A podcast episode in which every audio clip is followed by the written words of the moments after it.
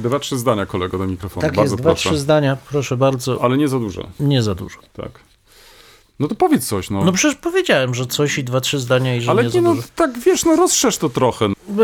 Obiektywnie rzecz biorąc, sytuacja jest mimo wszystko strategicznie trudna, gdyż czynniki wpływające na funkcjonowanie Dobrze, ontologicznie już koniec, niejednorodnych już bytów. już wystarczy, już wystarczy. Zaraz Chciałeś, przejdziemy do głównego odcinka, zaraz Chciałeś, przejdziemy do głównego tematu. Dwóch historyków, jeden mikrofon.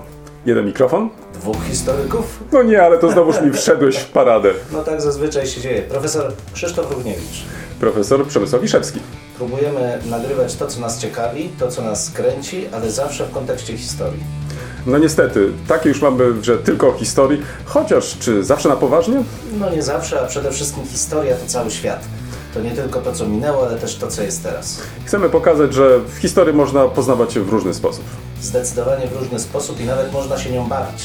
Państwo wszyscy widzą, że się uśmiechamy, więc my się też bawimy nieźle. Bardzo dobrze. Dwóch Liczymy historyków, jeden mikrofon. Jeden mikrofon? Dwóch historyków.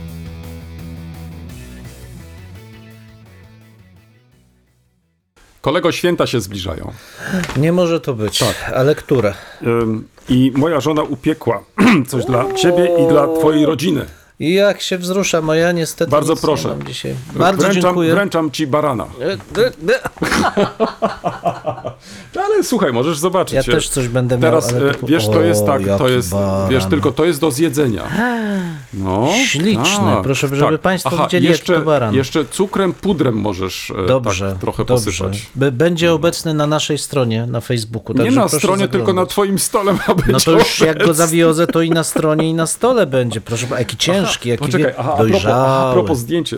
A, zdjęcie muszę Tak, zrobić. możemy zrobić, Tak, czekaj. tak, tak, tak, tak. Myślisz, że da się go wyjąć bez uszczerbku dla zdrowia Wiesz, jego? e, to znaczy, to, to, to, to, to, to próbuj, O, próbuj. proszę bardzo.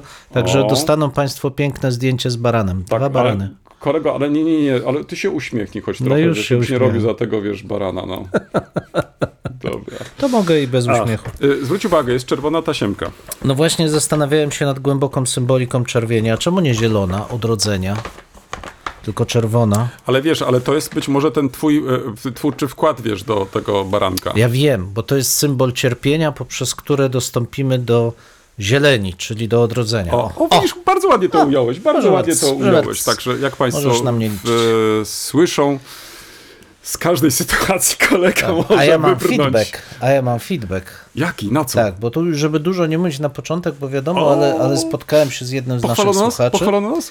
Tak, Czy tym bo- razem zganiono? Pochwalono i zganiono troszkę O. też, ale generalnie Za co? pochwalono, że Za bardzo co? ciekawe i w ogóle się miło słucha, tylko że czasami za długo ględzimy. Proszę Państwa, kolega się załamał, ale Ale nie, ja się Ale- wcale nie załamałem, ponieważ widzisz, to jest też tak z tą długością.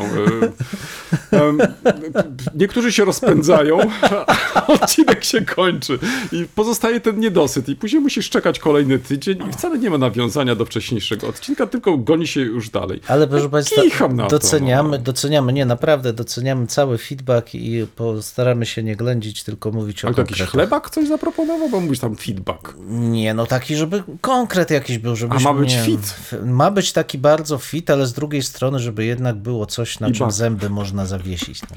Także Zaraz, zaraz, poczekaj, czekaj, ale nie, nie, to to mi teraz wyjaśni, bo to mnie Konkret, zaciekawiło. konkret, konkret. No właśnie te zęby zawiesił, to znaczy na czym? na konkrecie jakimś, Na żeby to konkrecie. nie było one knochen, ale żeby to były te kości tam takie, żeby Ale zaraz, ale to my, to my, to my tak cały czas o, bez, bez, bez tego, bez No a co teraz robimy? No nie, teraz mamy tak zwaną rozbiegówkę, No przepraszam więc bardzo. właśnie, no i bardzo To słusznie. my się tak rozbiegamy. Niektórzy na przykład rozbiegli. biegają dookoła budynku, jeszcze inni na przykład od y, punktu A do B, a my tak się rozbiegamy. No. No i No. już właśnie Czyli co, startujemy? startujemy. Nowinki, starowinki. Teraz będzie konkret, teraz będzie Teraz konkret. będzie no. konkret i ja proszę Drodzy Państwa mam taki konkret nawet bardzo pasujący w tą konwencję e, startowania. I zwróćcie uwagę, kolega nie powiedział No, już to kolega? klasyczne, że tym razem krótka. No bo, no bo nie chciałem już się powtarzać, ale że klasycznie to właśnie coś klasycznego dzisiaj będzie. A kolega może powie Czyli- mi, kiedy była A wiesz pierwsza... jak to po niemiecku, no, jak to się mówi klasy szesto, to etwas, no, klasy szesto, No, wiesz, wiesz no. tak to jest później Nie. etwas, etwas altes. Niech będzie, już tam w ogóle Klasy, posiwiały jestem, także starzec mogę być. Gdzie? Ale No, ty byłeś u panie, panie no tak, byłem, panie kolego. No, e, dawaj. teraz ja cię sprawdzę, bo Dawaj. ty zazwyczaj ty mnie każesz odpowiadać na trudne pytania. No trzymaj. Pi- Pierwsza nowożytna olimpiada, w którym roku była? Gdzie? E, pierwsza, wiesz, ja nawet to wiedziałem, szczerze mówiąc. dobrze, dobrze, Czekaj, no, dobrze. no pewnie Ale gdzie, no gdzie w Atenach, no musi być. Tak, a i to, i to jest słuszna odpowiedź i tego się Dziękuję ci trzymamy. bardzo, widzisz, tak? I teraz ja bym tak- 1896, więc kolega, to jeszcze nie jest okres kolegi, więc mógł kolega nie wiedzieć. Chociaż ale słuchaj, ja cały czas studentom mówię, jeżeli chcecie mm, e, poznawać XX wiek, to musicie chcąc, nie chcąc sięgać jednak do XIX wieku. Oczywiście. No to, to w ogóle. Ale, ale, trafiłem, ale trafiłem z tą, z tą Tak, trafiłeś jak najbardziej, ale, Ateny. ale czy wiesz dlaczego?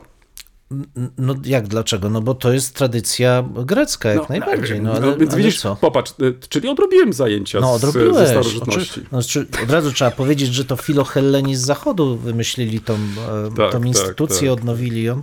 Grecy niekoniecznie mieli na początku jakoś e, szczególnie z, z tym związani. Ale nie o XIX wieku chciałem mówić, bo 1896, pierwsza nowożytna olimpiada, 1896. Mhm. niewiele osób, e, naprawdę to było takie mm, bardzo e, hobbystyczne i na, na fali zainteresowania Grecją w skonstruowane wydarzenie, ale Grecy byli przekonani, że w stulecie tejże olimpiady, olimpiada odbędzie się także u nich w 1996 roku. Tymczasem odbyła się gdzie?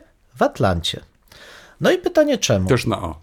Też na A. No i pytanie czemu? No bo przy, cały czas uważano, że mm, Grecja jest takim swoistym faworytem, że powinno, tak, e, że powinno się tak stać, Mhm. ale komitet MKOL obradujący w Tokio e, orzekł inaczej. Inne bo, lobby. Tak, bo na początku lat 90., em, no w, na przełomie właściwie 80., 90., nie działo się najlepiej w Grecji. Andreas Mhm. Papandreou traci, e, traci władzę i rozpoczyna swoistą obstrukcję rewolucyjną. No bo Andreas Papandreou to był dziwny człowiek.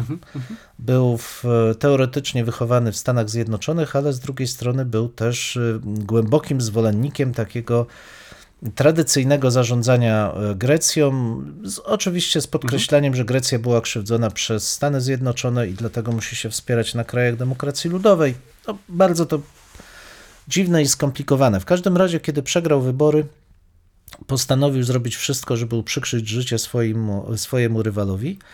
Zainicjował serię strajków, e, e, w trakcie których, kiedy przybyła delegacja MKOL-u, okazało się, że w zasadzie nic nie działa w Grecji. Wysokie zanieczyszczenie, kłopoty infrastrukturalne, brak połączeń telefonicznych w samych, w samych Atenach, ciągłe strajki także elektrowni. No i ostatecznie w trakcie rozmów z, kandyda- z samymi e, członkami e, MKOL-u nie potrafiły władze, ani władze, ani w zasadzie wytypowane osoby, bo tam pani była minister Merkurii między innymi brała udział w tych e, rozmowach, nie potrafiły określić, czy uda się i w jakim stopniu przywrócić porządek, e, który zabezpieczałby w ogóle funkcjonowanie tejże e, olimpiady duże imprezy, jakby nie patrzeć. duże imprezy. E, W związku z powyższym w olimpiada odbyła się, ale w Atlancie, tak jak już e, to sobie powiedzieliśmy, ale to nie oznacza, że do Aten nie zawitała. Zawitała, ale w 2004 roku letnie igrzyska, letnie igrzyska olimpijskie. A więc jakby dano czas, dano czas e, Atenom na przygotowanie, Grekom trochę na osłodę, ale w Grecji szok był wielki, bo w zasadzie wszyscy uważali, że no to jest dość oczywiste, że w to stulecie Ateny będą ponownie gościć olimpiadę. Szok był duży. Nie zmieniło to jednak samego e, podejścia Papandreou i części, e, przynajmniej sporej części polityków, którzy uznali to za kolejną obelgę i postanowili, że będzie jak było. To znaczy, że dalej będą walczyć e, z Zachodem, z tym nowoczesnym światem. To nie do końca im się udało, bo przyszła zmiana pokoleniowa. I w zasadzie to była chyba już ostatnia taka wielka porażka przed dojściem do władzy kolejnych e, członków partii e, socjalistycznej, którzy doprowadzili, jak wiemy, gospodarkę no, do, do ciężkiej zapaści, znaną pod nazwą kryzysem greckim. Krótko mówiąc, jakakolwiek, proszę Państwa, sentymentalna wartość by nie była tradycji, to jednak musi się ona zderzyć e, z normalnymi oczekiwaniami ludzi, racjonalności i wsparcia dla bezpieczeństwa i niestety na, samej, na samych emocjach no nie da się oprzeć Mm, współpracy. Słuchaj, a powiem teraz tak. E, mogę coś powiedzieć banalnego? Powiedz coś banalnego. bo tak, e, e, to twoje pytanie tak jakoś, wiesz, nie, nie powiem, że należałoby do tych, tych, tych trudnych pytań, ale mm, myślę, że, że może warto, warto to powiedzieć, nawet jeżeli to będzie coś banalnego, E, że ja skojarzyłem sobie od razu, jeżeli pierwsze, no to skoro organizowano właśnie tam, a nie gdzie indziej, no to jeżeli już pierwsze, no to nawiązując przynajmniej do tradycji, czyli poprzez jakąś tam, nie wiem, analogię, to jest analogia? Czekaj, to? to chyba tak, nie? No, mniej więcej, no, albo, albo nawiązanie. No, w każdym razie, że to mogłoby być tam. Mogę być pewien, może nie, ty już potwierdziłeś, wszystko jest e, w porządku. Więc moje pytanie teraz będzie do ciebie takie. Zrewanżuję się, kolega. Dawaj, o to już na pewno nie będę wiedział. No. Kiedy w, w, był pierwszy rozbiór Polski? No ale ja bym powiedział, że to można wedle własnej woli sobie powiedzieć. Nie, słuchaj, nie, kolego, nic z No, tego. no, Okej, no 1772, no i co? Widzisz.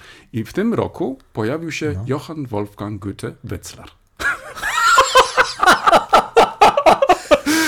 G- głębia powiązań mnie, muszę powiedzieć. Ale poczekaj, zaraz ci to wszystko wytłumaczę. Dawaj. Wytłumaczę nie tylko tobie, ale także i państwu. Czyli mamy, proszę Państwa, nowinkę z Wetzlaru. Mamy nowinkę z Wetzlaru, ale połączoną z e, datą z polskiej historii. Tak więc No, pewnie no, no, no.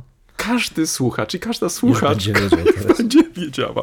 Otóż tak, e, mało kto wie, że Goethe nie tylko był e, świetnym pisarzem, em, ale także był z wykształcenia prawnikiem. No i to nie było takie oczywiste, że można było w, w drugiej połowie XVIII wieku wyżyć tylko z samego pisania. Dlatego też udał się między innymi w 1772 roku do Wetzlar. I e, co on w tym Wetzlar tam robi? Mianowicie mm, miał uzupełnić to swoje prawnicze wykształcenie i y, w, podjął pracę jako referendarz Sądu Najwyższego Rzeczy. Rze, nie Rzeczy, tylko Rzeszy. Rzeszy. A, Rzeszy.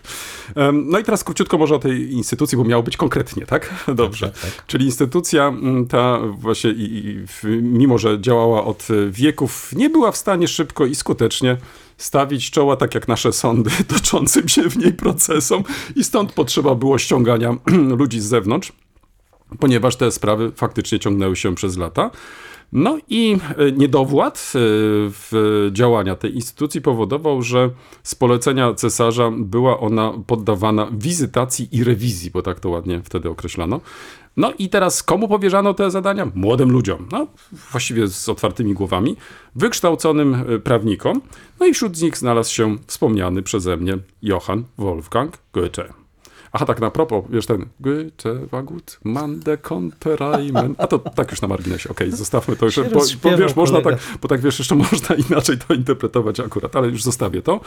I teraz tak, em, otóż mm, często spotykał się z innymi w, w gospodzie, w Wetzlar, um, zum Prinzen, czyli to tak jakbyśmy mogli tłumaczyć pod... No właściwie księcia. u księcia, prawda? Tak, u księcia. No i tam między innymi mm, spotkał radcę dworu Johanna Christiana Kestnera.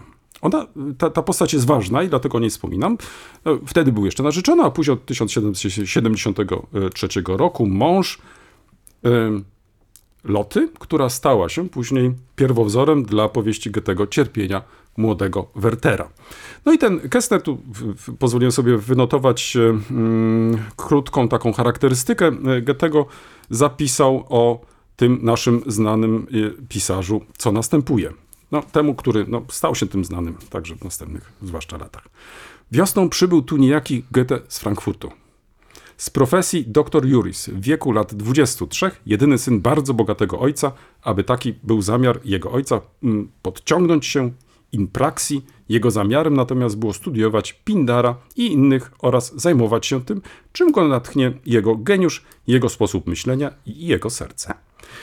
Jest bardzo utalentowany, istny geniusz i człowiek z charakterem. Posiada też niezwykle żywą wyobraźnię. Jego sposób myślenia jest szlachetny, wolny od uprzedzeń, postępuje wedle swojego widzimisię, nie troszcząc się wiele o to, czy podoba się to innym, czy odpowiada modzie lub zwyczaju. Nienawidzi wszelkiego przymusu, jest dziwaczny i jego zachowanie się obecnie bywa czasem przykre.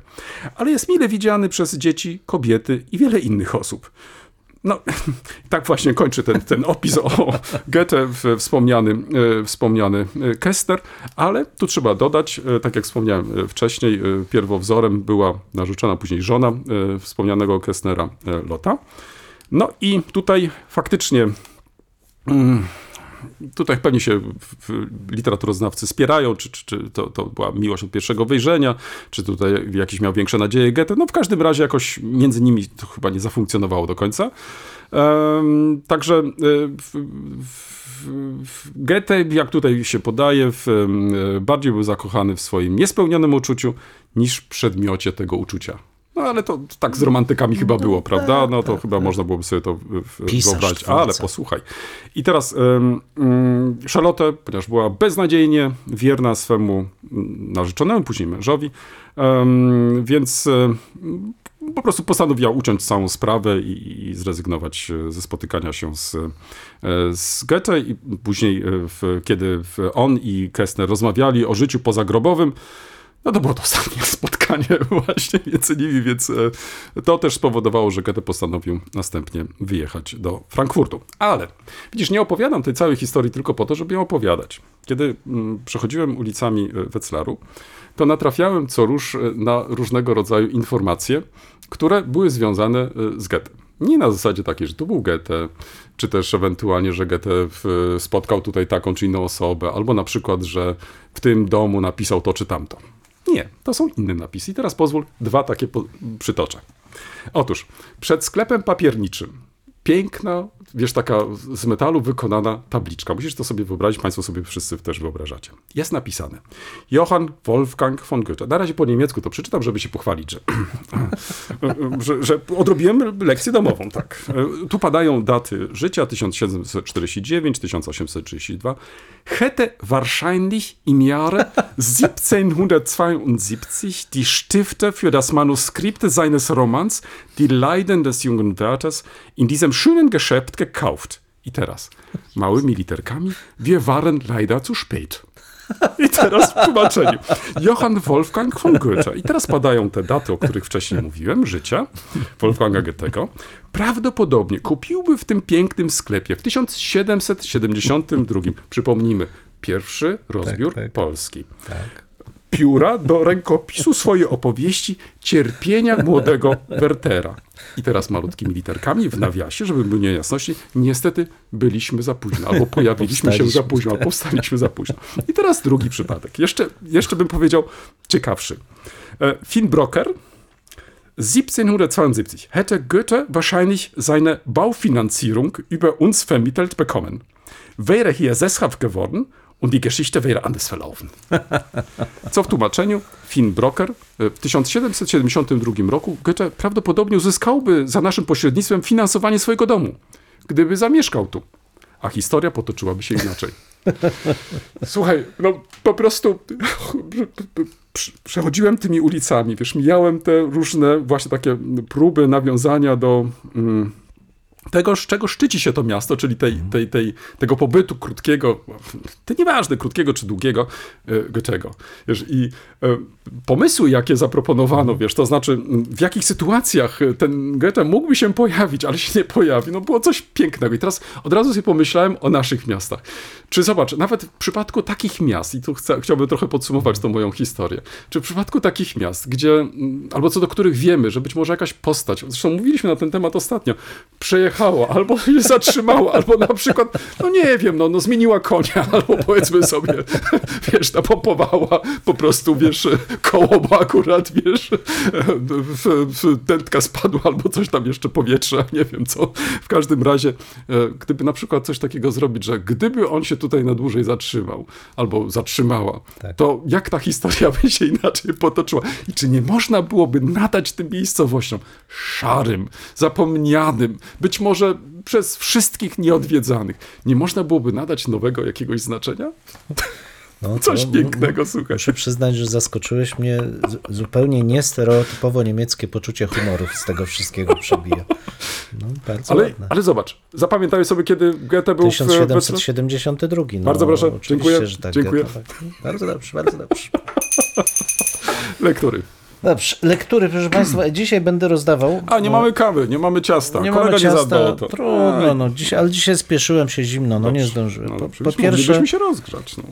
Mam dla kolegi prezent od O. wydawcy Nowej Kroniki Wałbrzyskiej.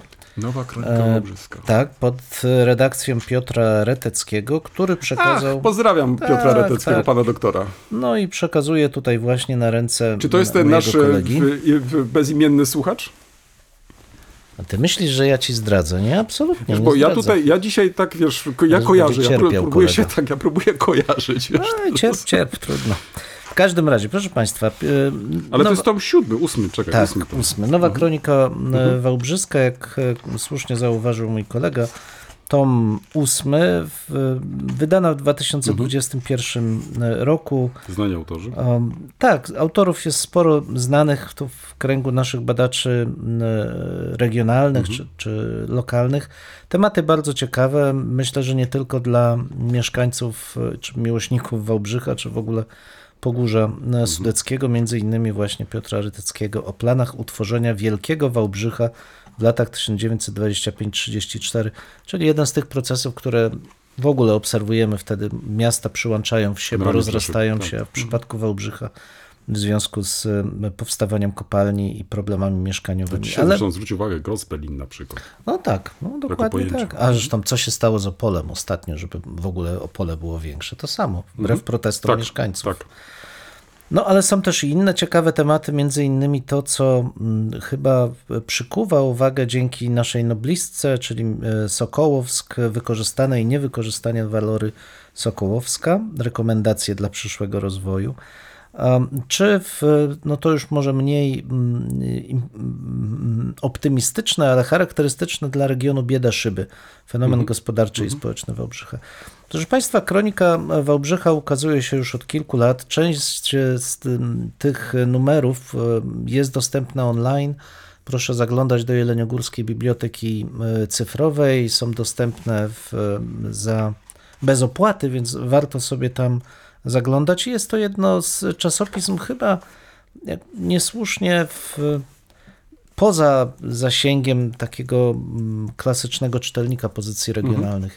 Co zwraca też uwagę na to, jak wiele rzeczy ciekawych ukazuje się poza tym głównym obiegiem, mm, a gdzieś e, wypadają. e, Trochę szkoda, znaczy bardzo nawet szkoda, bo mogłyby nie tylko animować lokalne środowiska, co robią bardzo dobrze, ale też i dostarczać tej informacji i zainteresowania osobom z zewnątrz. Zatem zachęcam, nowa kronika Wałbrzyska, proszę zaglądać do Jeleniogórskiej Biblioteki Cyfrowej albo kontaktować się e, z redakcją e, panem doktorem Piotrem e, Reteckim. Reteckim i Fundacją Muzeum.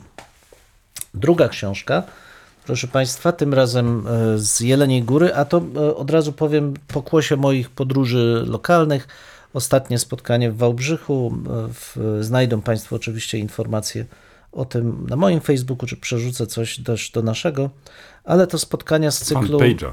Fanpage'a, tak, tak, Fanpage'a. na fanpa- tak, fanpage'u. W ogóle coś tam, nie wiem, trochę zas... Ale będziemy działać, Zaspaliśmy, będziemy nie? działać, będziemy działać, Czyli oczywiście. co, Ja wrzucimy mam- coś nowego. Tak, A ja wrzucimy. mogę te zdjęcia wrzucić, słuchaj, z tymi, z tymi yy, Kolego, właśnie nie napisami. ględzimy, O, to- nie ględzimy. Aha, przepraszam, Nie dobrze, ględzimy, nie no, ględzimy. nie? Boże jej. Druga, Jaki reżim kolego Doskonałe. wprowadzasz? Ja zaraz za- nabam się jakichś stresów, no. Dobrze. Ko- p- Po Żaden spotkaniu w Jeleniej Górze także, bo to było spotkanie w Wałbrzychu, z którego przywiozłem tą kronikę w Ja już straciłem tygodniu. rachubę, słuchaj, gdzie ty nie byłeś. A teraz z Jeleniej Góry, o której wspominałem poprzednio, XVIII-wieczny receptariusz kulinarny z Jeleniej Góry, wydany Aha. przez Iwo e, Łaborowicza, zasłużonego Mhm.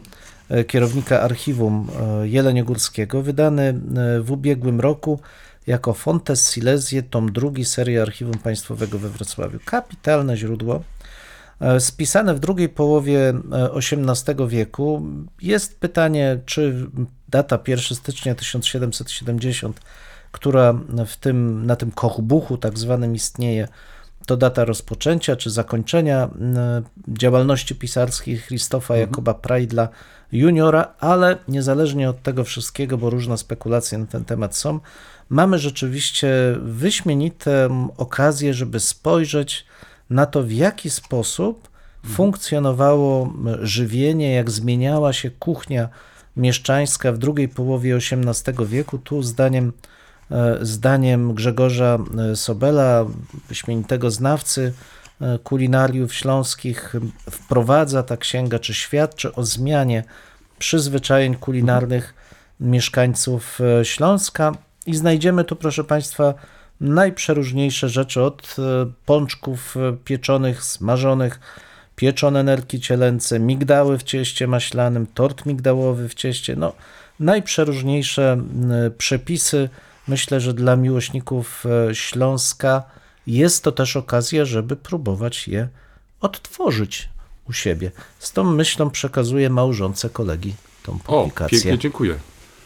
Ach, to tyle prezentów naraz. Tak, i to nie A koniec. To, ale to zaraz, ale to tak, e, to, zaraz, mówiliśmy o tych świętach. A, zaraz, nie, mia, nie miało być żadnych dekret. Są święta wielkanocne, żeby nie było niejasności, tak. jeżeli ktoś będzie słuchać tego odcinka po latach. Będą, będę akurat w sam raz. Dziękuję, przekażę. A tu proszę Państwa też e, książka niezwykle interesująca, jako też pomysł dla... Jest zakładka, kolego, Jest o zakładka, tym też twarda okładka, tak. piękne wydanie, Czyli można, czyli można, można faktycznie zanurzyć się tutaj w tych opisach i przepisach tak. i, i, i, i zacząć robić coś. Nie? Jak najbardziej. A tutaj książka, która jest e, dla mojego kolegi, trochę o. też jako e, hmm, inspiracja. Mhm. E, dotycząca jego zamiłowania, czyli Jelcza Laskowic, ale i okolicy w ogóle. Ale myślę, mhm. że to równie dobrze moglibyśmy i do Wrocławia odnieść. Nieznane twarze Koszalina, miejsca, których już nie ma. Mhm. Album zawierający y, fragmenty map, y, zdjęć, ogłoszeń i krótki opis budynków, y, fragmentów miasta, które zginęły. Od sięgających w głąb XIX mhm, wieku mhm. miejscami nieco wcześniej. No, super. Są tu także materiały archiwalne, bo mamy nie tylko fragmenty map, ale także i rysunki architektoniczne dotyczące budynków, które zostały zniszczone głównie w trakcie wojny bądź w rezultacie roz, rozbiorów e, budynków znajdujących mhm. się w ruinie.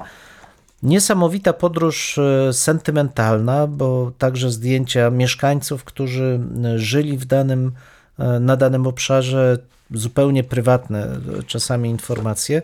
No, okazja do zanurzenia się w świat, którego już nie ma, ale który wyznaczył atmosferę miejsca, w którym, e, w którym żyjemy. Mhm. To e, prezent, jaki otrzymałem w trakcie pobytu w Koszaliny w, w czasie wspomnianej już kilkukrotnie konferencji regionalnej, ale wydawnictwa Archiwum Państwowe, Archiwum Państwowe w Koszalinie z okazji 60, 60-lecia Koszalin 2021. Naprawdę serdecznie polecam także do przemyślenia, czy da się coś takiego zrobić u nas. Hmm. Dziękuję bardzo. I to, to tyle na druga, dzisiaj. A to tak, tak. Dla kolegi sugestia. prezent też. Może aż trzy książki. No niech cierpi. tutaj. Niech cierpi, ale się kolega postawił, Boże. Um, Dostałem barana, no, dałem książki. Od jak to o nas świadczy. No dobrze. Um, kolego, to teraz może ja przejdę do swoich lektur. Um, Pierwsza to może trudno nazwać lekturą, bardziej to też jest książka do, do oglądania i, i to kupiłem tę książkę też jako inspirację. Najpierw zacznę od tytułu. E, tak, autorem jest Stefan e, Neubauer, a książka mm, e, nosi tytuł Kulturerbe, czyli dziedzictwo kultury. I to chcę podkreślić e, w, w, właśnie ten, ten ty, ty, tytuł. Bo mm, co zrobił autor? Mianowicie autor tekstów, ale także i zdjęć. Mianowicie udał się do miejsc e, związanych z pobytem e, Armii Czerwonej na terenie e, byłej już NRD i postanowił te miejsca sfotografować. Mm, tak powstał przepiękny album, który pokazuje albo jest zapisem um, pewnej epoki, która już nie istnieje. To znaczy tutaj można byłoby potraktować ten album w, bardzo różny sposób. Można było potraktować na przykład jako zapis dokumentalny tych jeszcze miejsc i to w jaki sposób na przykład dzisiaj obchodzimy się z tymi miejscami, albo też inaczej, jak przyroda też z tymi miejscami się obchodzi, gdzie wielokrotnie jest też i tak, że no, przyrodzie nie ma chyba jakiejś pustki, więc ta przyroda wdziera się do tych pomieszczeń, do tych budynków, które zostały już wiele lat temu opuszczone. Um, ale autor zagląda też do y, wnętrz tych y, budynków i można byłoby to też potraktować jako przykład y, Lost Places, jednego z takich gatunków fotografii utraconych miejsc. Przy czym bardziej ta pierwsza w, w sprawa dla autora była tutaj decydująca, czyli to w jaki sposób um, no, obchodzimy się z tymi pozostałościami. Co dzisiaj jeszcze można w tych miejscach zobaczyć? Często są to um, graffiti, które pojawiły się w budynkach, odchodzą e, farbą i tak dalej. To robi naprawdę kapitalne e, wrażenie. Ale nie miałem wrażenia też, żeby te miejsca były niszczone, żeby je w jakiś sposób e, poddawane jakimś szczególnym działaniom. Raczej mam wrażenie takie, że pozostawiono je i w, być może są traktowane jako te miejsca kultury, miejsca, miejsca zapisu. No i z tego też powodu ta książka ma też ten taki trzeci wymiar, czyli bardziej taki dokumentacyjny, pokazujący odejście pewnego świata, który jeszcze niedawno był bardzo taki żywy, miał swoje symbole, miał swoich bohaterów, a tutaj tak naprawdę jest to też taki świat, który już odszedł e, w przeszłość i album ten jest właśnie też i takim zapisem, czyli zapisem dokumentacyjnym i wydaje mi się, że e, warto po niego sięgnąć. Tak więc jeszcze raz e, album pod tytułem Kulturerbe. Album jest dostępny w trzech językach, jeśli się nie mylę. Mm. Po niemiecku, angielsku tak. i po rosyjsku chyba, tak? tak mm. Więc to mm. jako właśnie tutaj ten przykład. I druga taka może mniej lektura, a bardziej zwrócenie uwagi, bo być może Państwa to zainteresuje, a być może także i nauczycieli, którzy nas słuchają, Otóż jeden z moich kolegów z Kanady, Lawrence McFalls, zwrócił mi uwagę na bardzo ciekawy projekt, e, gdzie postanowiono w jednym miejscu zgromadzić mm, filmy kręcone taśmą. Teraz musisz mi pomóc, słuchaj. Bo po niemiecku to jest szmalfilm, ale jaki jest odpowiednik mało polski? obrazkowa? Nie, właśnie nie mało obrazkowy. To znaczy, wiesz, e, to, to, jest, to jest ta kamera wąsko 35 mm? Mniej niż 35. Mniej. Wiesz, jeszcze mniej niż 35. To jest taka, wiesz, mhm. wąska, mhm. wąski film. Właśnie mniejszy niż ten klasyczny 35 e, mm. W każdym razie, e, w tym jednym miejscu zebrano bardzo dużo przykładów tych właśnie takich prywatnych e, produkcji. Jest to, jak tu przynajmniej dowiadujemy się na tym portalu, największy zbiór Oprócz tego możesz e, ten zbiór sobie obejrzeć, e, mhm. wybierając w zależności od takiego czy innego hasła, na przykład jeżeli chciałbyś na przykład o motywie kaczki, taki ostatnio mi tutaj się pojawił, no to coś, e, bo wspomniałeś o tym, że jest zimno, czy tobie było zimno, chociaż świeciło słońce, dzisiaj, to tutaj przenieś, przeniosłem się bardzo szybko do lata i to była taka piękna scena, kiedy to właśnie młoda kobieta e, podążała w kierunku jeziora, wiesz, no już dalej tam nie oglądałem, bo to jednak e, trochę tych minut tam było, ale w każdym razie poczułem się już tak, jakby były wakacje i, to jezioro i jakoś tak udzielił mi się ten obraz. Niezależnie od tego, nie mamy do czynienia tutaj z profesjonalnymi nagraniami, mamy migawkami z życia codziennego obywateli NRD, jest to bardzo ciekawy obraz i myślę, że kapitalna ilustracja, być może do rozważań, które Państwo będziecie czynić w kontekście przykładowo historii Niemiec. Tylko przypomnę, projekt nazywa się Open Memory Box, tak się to tak ładnie nazywa. Jest kilkujęzyczny. Mm, zgromadzono na nim ponad 2000 E, w krótkich e, filmików kręconych prywatnie. 8 mm. Tak, 8 mm, widzisz, 8 mm, tak, tak. Co daje w sumie ponad 400 godzin 400 godzin oglądania, więc kto z Państwa mm, jest zainteresowany tą problematyką, to być może po to sięgnie. Jeszcze tylko dla porządku dodam, e, około 150 rodzin udostępniło te swoje prywatne filmy. Jak zwróć uwagę, to wszystko jest pięknie zapisane. E, I te filmy są związane ze 102 miejscowościami. Także popatrz, Pięknie. są i duże, i małe, i tak dalej, i tak dalej. I oczywiście um, macie Państwo tutaj ponad 2700 haseł, za pomocą których możecie taki czy inny temat odnaleźć po prostu tak e, szukając sobie na tym portalu taki czy inny film, który być może byście chcieli e, obejrzeć. Tak więc polecam, polecam jako taką ciekawostkę, ale też równocześnie jako ciekawy materiał dydaktyczny, który można faktycznie w kontekście na przykład historii Niemiec powojennych wykorzystać. No i na koniec pozostawiłem sobie e, książkę, którą to tak trochę już w kontekście naszego głównego tematu, którą kolego e, wygrałem na aukcji. Wygrałem na aukcji, wyobraź sobie. No, pewnie w, w, wszyscy już pomyśleli, Boże, no przecież my codziennie bierzemy w aukcjach, o tym ten człowiek chce opowiadać. No więc to była szczególna aukcja i szczególną książkę w, wygrałem na tej aukcji, ponieważ um, ta aukcja polegała na tym, że wprawdzie podniesiono tą właśnie książkę, którą chciano sprzedać do góry, ale zainteresowanie, jak się okazało, nie było zbyt duże. No więc e, osoba prowadząca tą aukcję dorzuciła jeszcze kilka innych książek i broszur i w, e, wtedy faktycznie już bez większych problemów zaproponowałem kwotę, za którą zakupiłem tą książkę, ale także i otrzymałem przy okazji inne materiały. Od razu powiem, że bardzo ciekawe i bardzo się też z tego cieszę. Otóż E, chciałem zwrócić na pewien typ też literatury uwagę sprzed lat i, i taki, który bardzo mi się podoba, mianowicie książki dla dzieci, ale też trochę robione inaczej. To znaczy właściwie może nie tyle książki dla dzieci, tylko bardziej już dla młodzieży, lub też w tym konkretnym przypadku dla młodych kobiet. I tak, książka nazywa się nie będę tutaj naturalnie odkrywcą, e, jeśli chodzi o moje zainteresowania, więc jest to książka napisana przez Elizabeth Günther, Lajka, Mädel, Monika. więc pod takim tytułem się okazało.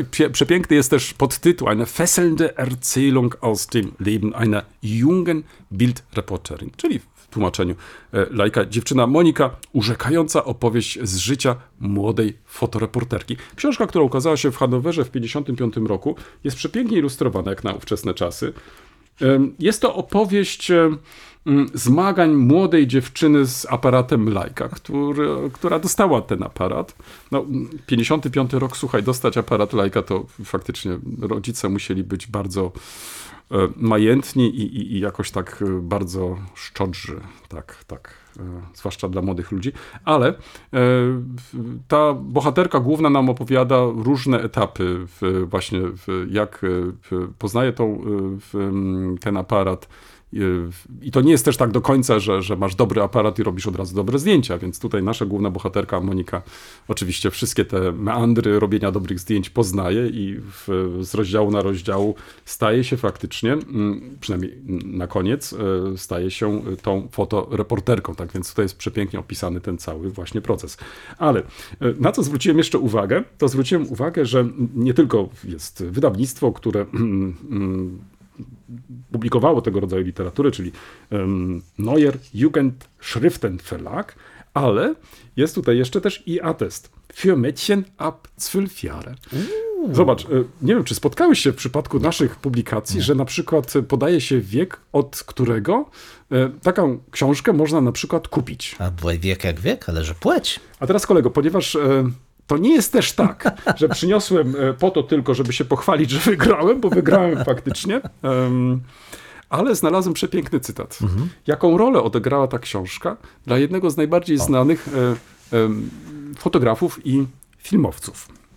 I pozwól, że przeczytam ci e, malutki fragment w tłumaczeniu, żeby nie przedłużać.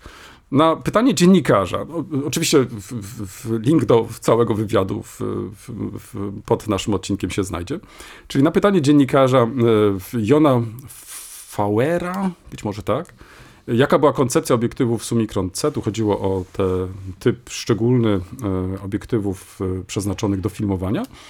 Fotograf i filmowiec Christian Skrain albo Skrain, Skrain odparł i teraz słuchaj. W 1958 roku, czyli 3 lata po opublikowaniu tej książki, miałem 13 lat. I przeczytałem książkę Lajka, dziewczyna Monika. No I tutaj pada oczywiście jeszcze raz e, autorka Elizabeth Günther. Moim marzeniem było również zostać fotoreporterem z aparatem Leica. Myślałem wtedy, że jeśli masz aparat Leica, to automatycznie stajesz się dobrym fotografem i robisz dobre zdjęcia. I chciałem się ożenić z dziewczyną Moniką, gdyby tylko istniała. Zwróć uwagę, na okładce Tak. niebrzydka dziewczyna. Dobrze, po- pozostawię, po, po, pozostawię to może już bez jakiegoś y, dłuższego komentarza. I teraz y, na koniec. Więc to było marzenie chłopca. Najśmieszniejsze jest to, że to chłopięce marzenie się spełniło. Zostałem fotografem i filmowcem. Nie ożeniłem się z dziewczyną z lajką, która miała na imię Monika, ale ożeniłem się z panią o imieniu Maria, której imię również zaczyna się na N. No słuchaj, no, no przepiękne na połączenie. A, to tak, też- tak, tak, tak. I kończy na. Więc y, przepiękne połączenie. I zwróć uwagę, że są lektury y, na różnych etapach w naszego rozwoju. To w tym przypadku oczywiście literatura y, skierowana do młodzieży. Tutaj tylko części tej młodzieży, czyli do kobiet, ale widać z tego, że była czytana także i przez młodych e, chłopców, więc e, i zobacz, jakie to wyzwalało, wiesz, te możliwości, to znaczy, wiesz, e, nawet ten młody człowiek potrafił się na podstawie, no w końcu ta książka, zobacz, ona nie jest gruba, ale na, po, po prostu nie tylko się zakochał w tym aparacie, ale od razu za, za, zakochał się w tej, w tej dziewczynie, popatrz, ach, no coś, coś kapitalnego, słuchaj, no więc chcę tym samym powiedzieć, że czasami niektóre lektury, po które sięgamy, a raz, że jest jeszcze i tak, że, że do niektórych sięgamy przecież e, w, em, wielokrotnie, że potrafią wyzwolić e, w, em, u nas takie możliwości, jak to powiedzieć, takie wiesz, e, ta wyobraźnia zaczyna tryskać i nie ma takiego zakończenia, wiesz, no coś pięknego. No, w każdym razie e, polecam, e, jeżeli Państwo będziecie mieli możliwość, e, chociaż od razu powiem, że to książkę tą niełatwo jest dostać, także nie ma jej w bibliotekach, mimo że nakład powinien być jak dla tego typu literatury w, faktycznie mm, duży, to jednak muszę ci powiedzieć, e, w, osiąga ta książka tak, w takich, na takich z tych e, znanych nam aukcjach jednak to bardzo wysokie ceny. No tutaj udało mi się kupić, od razu zdradzę, za jedyne 5 euro, tak więc, e, żeby nie było niejasności. Więc nie chcę powiedzieć, że to tak geschenkt, ale, ale, ale faktem jest, że było to ze price tak, tak, widzisz kolego, tak więc to a propos właśnie czytania i a propos też brania udziału e, w aukcjach. Tak a propos, e, wiesz, e, zastanawiałem się nad naszym dzisiejszym tematem i tak przyszło mi do głowy coś takiego, że ponieważ uczestniczyłem teraz w posiedzeniu jednego z towarzystw naukowych, zajmujących się historią aparatu Leica, od razu już powiem. A tak na marginesie to też jeszcze może dodam, że jest tylko trzech polskich członków tego stowarzyszenia, ale to jest piękne, zobacz. Jestem ja, jest e, kolega z Frankfurtu, czyli Polak, który mieszka w Niemczech. I jest trzeci, e, Jerzy, który mieszka z kolei w Wiedniu, czyli Polak w, Austrii, więc to trudno powiedzieć, że to trzech, ale nie, wszyscy trzej pochodzimy z Polski, więc co do tego nie ma wątpliwości, ale faktycznie na ponad 420 członków tylko trzech Polaków. No, nie wiem, y, trochę mam y, y, takie, wiesz, wątpliwości, czy, czy faktycznie tylko my się akurat interesujemy historią tego aparatu. Widzę coraz częściej, że są osoby, które fotografują za pomocą tego aparatu, ale czy się interesują historią?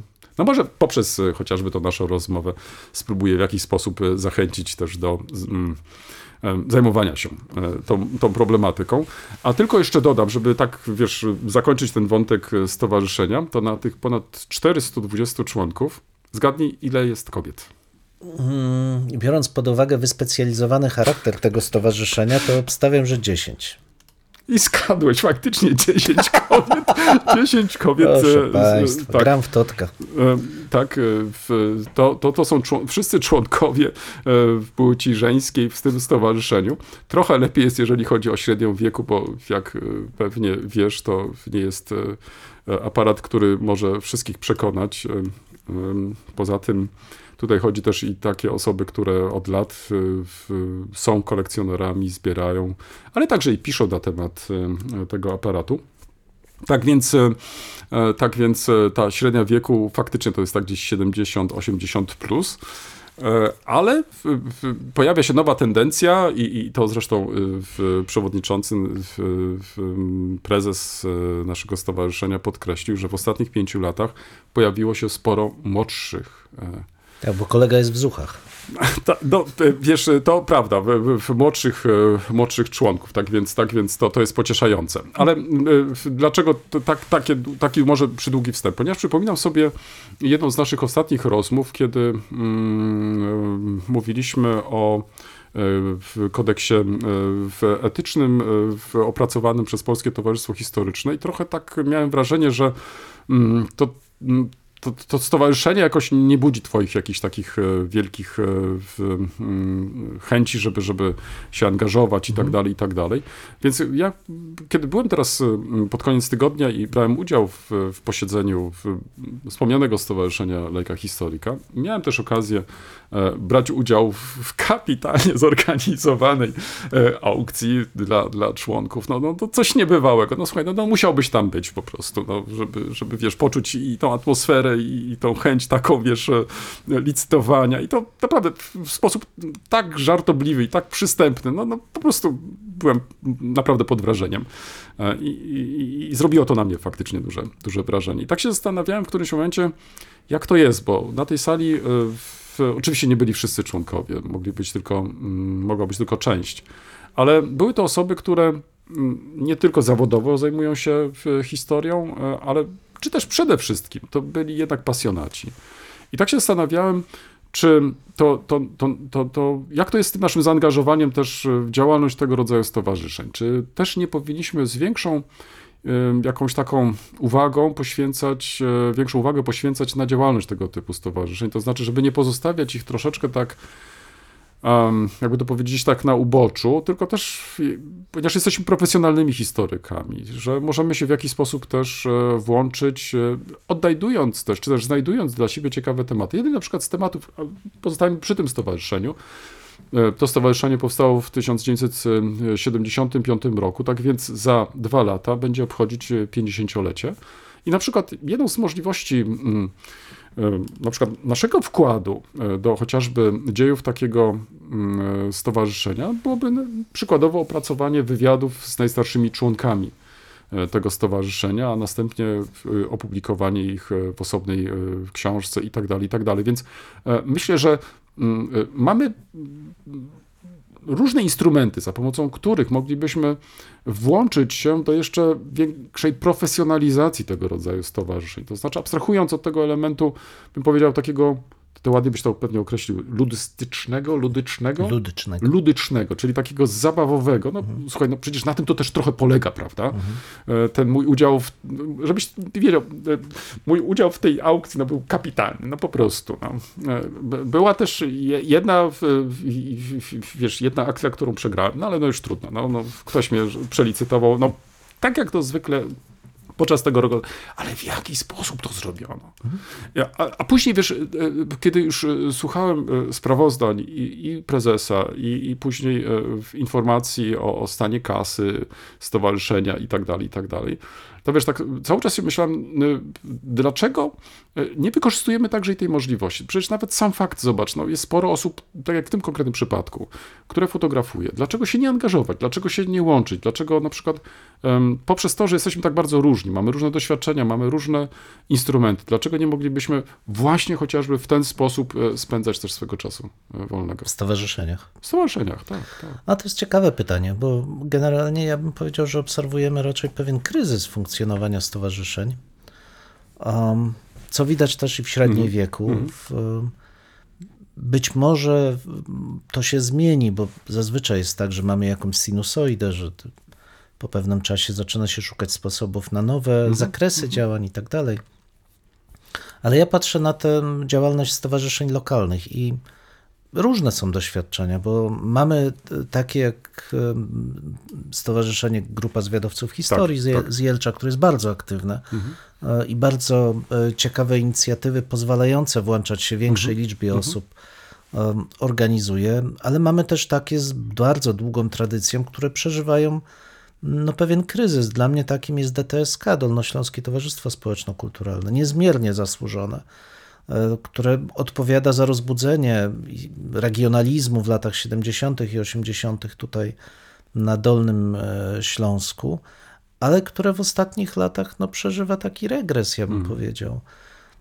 Być może wynika to e, z, z, pewnej zmiany kulturowej, bo kiedyś stowarzyszenia to były jednak takie miejsca, gdzie spotykali się ludzie, którzy się dobrze znali, którzy dzielili swoje pasje, którzy mieli w momencie spotkania możliwość realizowania siebie, ale i nawiązywania kontaktów społecznych.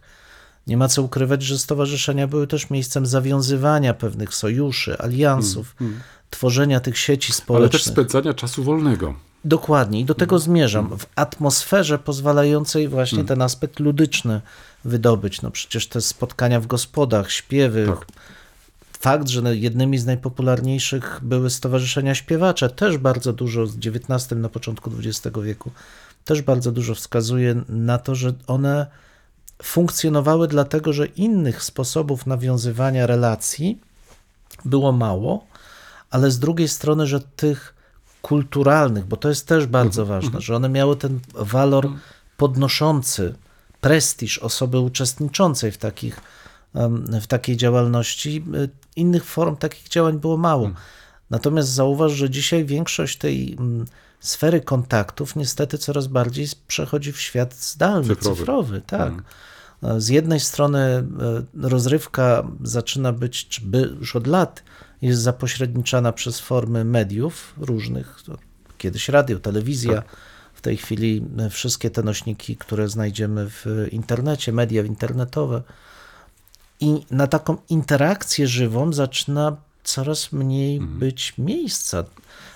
Ja widzę optymistycznie jednak to, że dla że to, co wciągające jest dla osób, które, dla których te media pojawiły się w wieku dojrzałym, dla młodych ludzi jest po prostu codziennością i już robi się nudne po prostu. Mm -hmm. I one zaczynają szukać nowych sposobów. Tylko pytanie, czy stowarzyszenia taką e, rolę odgrywają. Bo kiedy przywołałeś PTH, no ja zacząłem się zastanawiać w zasadzie, dlaczego nie czuję potrzeby współpracy w ramach tego stowarzyszenia. Tym że to jest branżowe. Tak? Jest to branżowe stowarzyszenie, no ale jaka jest wartość dodania uczestnictwa w takim stowarzyszeniu? Oczywiście jest to miejsce, gdzie można awansować, być prezesem, e, nie wiem, brać udział w jakichś ogólnopolskich spotkaniach. Skorzystać może od czasu do czasu z jakichś funduszy dodatkowych. No na przykład, coś, coś takiego, ale, ale w, mojej, w moim życiu takim, także zawodowym, ja nie widzę wielkich wartości dodanej z uczestnictwa i to jest chyba problem podstawowy tych stowarzyszeń. Jak we współczesnym czas, czasach one mają wnosić coś dla swoich członków, co byłoby wartością dodaną. Wiesz, ale ja jeszcze zastanawiam się nad inną rzeczą, zanim mhm. przejdę tutaj e, do tego, co powiedziałeś i trochę skomentuję. E, dla mnie zawsze takie stowarzyszenia były takim wyrazem funkcjonowania dobrze społeczeństwa obywatelskiego, obywatelskiego tak, demokracji. Mhm. Czyli to nasze zaangażowanie często, tak jak e, podkreślamy, tak. często e, poświęcamy swój wolny czas, wielokrotnie mhm. własne mhm. środki, nawet mhm. nie wystawiając rachunków za tak. to. Przecież tak. nikt tak naprawdę nas nie wynajmuje, tylko my sami mhm. chcemy coś zrobić dla mhm. najbliższej okolicy, dla regionu, czy też ewentualnie zajmując się takim czy innym problemem, może jakimś e, właśnie szerszym tematem i tak dalej. Um, Więc y, jest to właśnie to, to, społeczeństwo obywateli. I teraz mamy y, tutaj to słusznie na to zwrócić uwagę, mamy tą alternatywę, która jest, która, y, którym są media społecznościowe. I przecież tam bardzo podobny jest sposób przyjmowania członków. Bo zwróć mhm. uwagę, że wielokrotnie jest też tak, że jeżeli chcesz na przykład funkcjonować w takiej czy innej grupie, no to musisz spełnić takie czy inne warunki. Mhm. No i jest często też i tak, że na przykład tak jak ostatnio byłem konfrontowany z, z taką sytuacją, że wysłałem wysłano mi jeszcze dodatkową ankietę, którą miałem wypełnić mhm. i dopiero na tej podstawie administratorzy podejmowali decyzję, czy tak w, w, dać mi tą możliwość korzystania z zalet tej grupy, czy też po prostu nie. Mhm. Ale zobacz, e, cały czas tutaj się wtedy obracamy jednak mimo wszystko w jakimś świecie wirtualnym. To mhm. znaczy, e, mimo że za tym oczywiście kryją się konkretne osoby, E, że możesz, znasz nazwiska, znasz oczywiście niki i tak dalej, to jednak do końca nie jest to kontakt ten bezpośredni. Tak. Wyobraź sobie, największą satysfakcją dla mnie było to, ponieważ e, naturalnie także i to nasze stowarzyszenie Leka Historyka ma swoją stronę na e, Facebooku, że mm, mogłem spotkać te osoby, z którymi ja koresponduję, że mogłem je w końcu zobaczyć.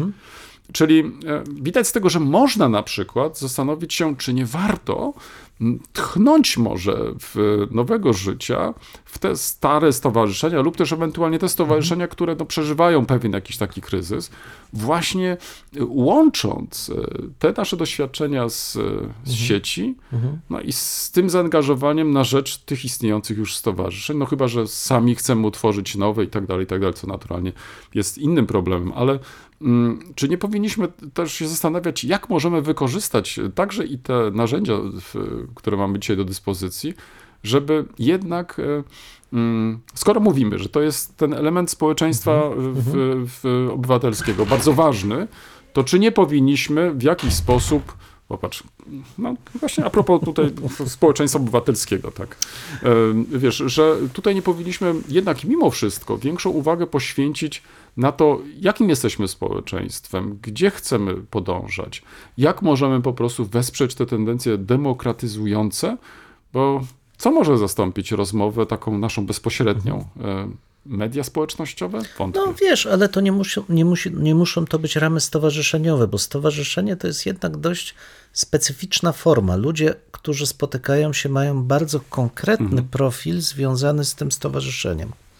No, ale czy to uważasz, że to jest źle? Nie, bo ja y, wychodzę tylko od tego, żeby pokazać, jakie może Mhm. być miejsce historyka w takim stowarzyszeniu. Dobrze, źle, ciekawie Tak. działającym. Ja w kilku stowarzyszeniach uczestniczyłem. Jedno z nich e, e, funkcjonowało bardzo słabo. Nie będę mówił, które. To było takie stowarzyszenie archeologiczne miłośników e, działań tutaj na Śląsku. Funkcjonowało kiepsko. Historycy byli w nim mm, jako uczestnicy, ale Kwiatkiem do kożucha. trochę tak. I w zasadzie samo stowarzyszenie miałem wrażenie, że bardziej działało jako punkt wyjścia do pozyskiwania grantów, czyli tak finansowania czegoś. Natomiast y, przez lata byłem też członkiem zarządu y, bardzo dużego międzynarodowego stowarzyszenia International Center for Archival Studies, ICARUS. I w, to było niesamowite doświadczenie, bo ze stu kilkudziesięciu krajów e, archiwa, archiwiści spotykali się w tym stowarzyszeniu. Dwa razy w roku miały miejsce zjazdy, w tym jednowalne. Ludzie z całego świata, z całej Europy przyjeżdżali, żeby spotkać się i dyskutować nie tylko najlepsze praktyki archiwalne, ale też funkcjonowanie archiwów. No i właśnie wśród członków zarządu zawsze byli historycy, którzy byli traktowani jako osoby, które mogą powiedzieć, czego potrzebują użytkownicy, co jest istotne dla użytkowników. Więc bardzo branżowe stowarzyszenie, ale żyło naprawdę bardzo prężnie.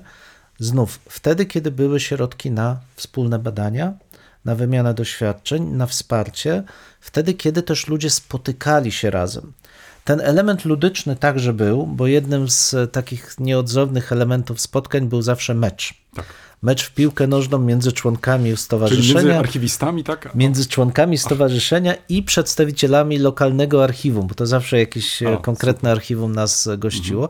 Bardzo ciekawe było to między innymi w Melk bodajże, gdzie e, z jednej strony klerycy grali, z drugiej strony członkowie stowarzyszenia. Też bardzo zabawne. Ale zmierzam do tego, że to stowarzyszenie przeżywało, przeżywało jakąś formę kryzysu, zwłaszcza w e, okresie pandemii, kiedy nie można było się spotkać. Ja w tej chwili już nie mam możliwości uczestniczyć w spotkaniach, zrezygnowałem z bycia członkiem zarządu. Właśnie ze względów finansowych też, bo jednak oznacza to konieczność przemieszczania się, pokrycia kosztów. No już nie, nie stać mnie na to. Ale to stowarzyszenie jest dla mnie świetnym przykładem tego, że można działać razem i te międzynarodowe stowarzyszenie, takie jak Twoje właśnie, w Miłośników Lajki, daje możliwość naprawdę kapitalną spotkania ludzi o różnych warsztatach, spojrzeniach, kulturach, wymiany, wzbogacania się. Ja taką widzę wartość dodaną stowarzyszeń. Um, No wiesz, ale tutaj zwróć uwagę jeszcze, bo za Mhm. niezależnie od tro- tego, tak. czy, to, czy to jest lokalne, Tak, czy tak, tak, międzynarodowe. nie, zgoda, ale wiesz, Mhm. za tym się kryje też naturalnie e, osoba prezesa czy prezeski. Bo zwróć uwagę, że, Kapitalnie że, że abstrahując Mhm. od tego, że każdy z członków może coś wnieść e, do w, pracy takiego stowarzyszenia, to jednak e, po to wybieramy tego przewodniczącego lub też przewodniczącą, żeby nadać pewien pewien jakiś taki kształt tego, żeby Mhm. jakiś kierunek i żeby podążać. Po roku, kiedy się na tym walnym zebraniu spotykasz, czy tam dwa razy do roku, w zależności od tego, w jakie to jest stowarzyszenie, no to wtedy masz tą możliwość e, zaznajomienia się, co się udało zrobić, czego się nie Tak. udało. I oczywiście, popatrz, to jest też i tak, że, że raz możesz się bardziej zaangażować, innym e, razem mniej, ale są to pewne ramy, w których się poruszasz, e, z osobami, z którymi się spotykasz. Ty poznajesz te osoby. Na przykład dla mnie kapitalną sprawą było przy śniadaniu, kiedy sobie usiadłem, większości tych osób ja po prostu nie znałem, ale kiedy już piłem sobie tą kawę, to tak, wiesz, e, po prostu jak lubię często tak zagadywać, e, e, no taki tutaj od razu wdałem się w bardzo ciekawe rozmowy i muszę ci powiedzieć, sprawia mi to ogromną przyjemność. To znaczy nagle się dowiadywałem, jakie były warunki na przykład, że nie przyjmowano tego stowarzyszenia, jeżeli nie byłeś pełnoletni. Że dopiero e, musiałeś wykazać to 18 lat, e, żeby po prostu tego stowarzyszenia To jak ciebie e, przyjęli? wejść. To skandal jest. No, wiesz, e, może chociaż skoro zaznaczyłem, że jestem jedynym Polakiem z Polski, no to może to wygrało jakąś rolę, żeby wykazać na zewnątrz, że jesteśmy międzynarodowym stowarzyszeniem. młodziek, ja Chociaż wiem. jeszcze tutaj muszę, wiesz, trochę poprawić cię, bo tu Mhm. nie chodzi tylko o miłośników lajki, to takich miłośników to znajdziesz sporo. Nie, tu chodzi też o osoby, które zajmują się historią lajki. Na przykład inna rozmowa pokazywała bardzo wy- jasno, że na przykład jeden z, y, z członków, y, skarbnik, zajmuje się y, historią lajki, ale przed powstaniem lajki. To znaczy, bo y, to, o, o czym on mówił, że przecież wszyscy się koncentrują na tym, y, jak ten aparat powstał. No dobrze, ale, ale trzeba też zwrócić uwagę, jak powstawały same zakłady lajca, w co produkowały, dlaczego na przykład w którymś momencie postanowiono obok, no, można powiedzieć, tego flagowego produktu mikroskopu, który w końcu e, każdy ma przed oczyma, no jednak zdecydować się na produkcję mm, aparatu małoobrazkowego i tak dalej, i tak dalej. I mówi, że mm, dla, dla niego frapujące jest poznawanie tych różnych firm kooperujących z Lajcem wtedy. E, I mówi, że nawet w jego miejscowości, w tym konkretnym przypadku Heidelbergu, e, znalazł właśnie taką firmę, która od e, XIX wieku do dzisiaj istnieje. Wyobraź sobie, jaka to jest pamięć instytucjonalna takiej firmy. To znaczy, wiesz, e, no, mo, możemy, możemy to, to, to traktować w ten sposób, no, w, że, że to nie ma większego znaczenia. No, dzisiaj kupujemy produkt, wyrzucamy go i tak dalej. Ale czy nie chciałbyś kupić takiego produktu z tradycją? No wiesz, no może dlatego, że i to przemawia już teraz to, że robię się coraz starszy i wiesz, i człowiek może e, chciałby już w końcu tak trochę, wiesz, e, z takim pewnym dystansem podchodzić do tego, co robił i co robi. No nie wiem, no, no wiesz, ale ja odczuwam taką potrzebę, wiesz, e, że, że jeżeli już na coś się decyduje, to chciałem trochę, wiesz, poznać tej historii, wiesz, ten, do czegoś nawiązać. Tak jak, no nie powiem, że o każdym e, obiektywie. Na przykład jednym z, jednym z, jedną z propozycji, słuchaj, bardzo ciekawych, żeby w jakiś sposób, e, bo te posiedzenia rozpoczynają się przed tym walnym zebraniem dzień wcześniej, od e, godziny 18, ale większość instancji jednak przyjeżdża e, wcześniej. e, Czasami to jest kilka godzin, czasami dwie godziny przed tym nieoficjalnym otwarciem, dzień wcześniej.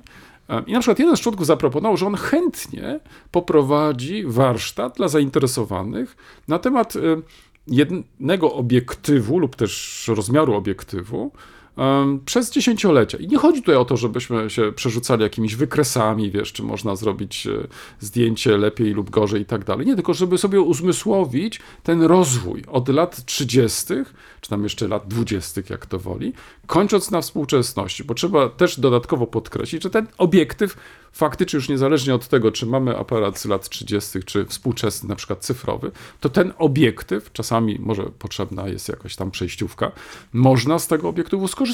Znajdź mi inną firmę, która na przykład by to potrafiło, wiesz. I teraz jako historyk, to słuchaj, myślę nie tylko w kategorii takim, wiesz, e, że idę do sklepu, kupuję, używam i, i później jak się e, niszczy, psuje, e, wyrzucam, albo daję do naprawy, albo nie daję do naprawy i tak dalej, tylko tu za tym stoi historia. I teraz, jeżeli ja mam stowarzyszenie, gdzie kilku jest takich maniaków, no trochę więcej niż kilku, jak ja, którzy, wiesz, e, no, nie chcę powiedzieć, że będę rozmawiać o każdej śrubce, ale zobacz, byłem świadkiem takiej oto sytuacji. Tak jak my teraz siedzimy, siedzimy przy stole, jeden z właśnie z tych e, moich znajomych wyciąga dwa aparaty e, w lajki, obok siedzi jeden z z, z mechaników lajki, dzisiaj już emerytowany.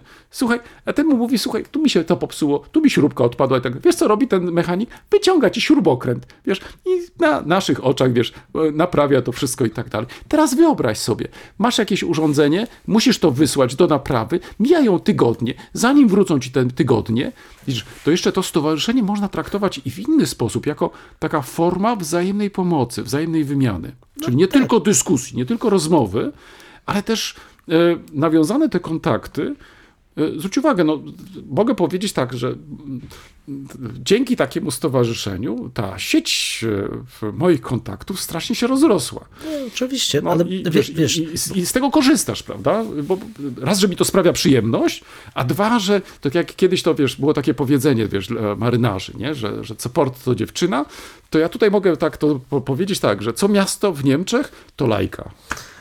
No i kolega bardzo dobrze nam opisał, po co się e, stowarzyszać, ale zwróć uwagę, że to nie zmienia faktu, że większość z tego typu kontaktów dla dużej liczby osób dzisiaj to są już kontakty wirtualne, że to istnienie stowarzyszenia przestało być e, Wartością. wartością samą w sobie. I y, ja nie mówię, że to jest coś nieodwracalnego, wręcz przeciwnie.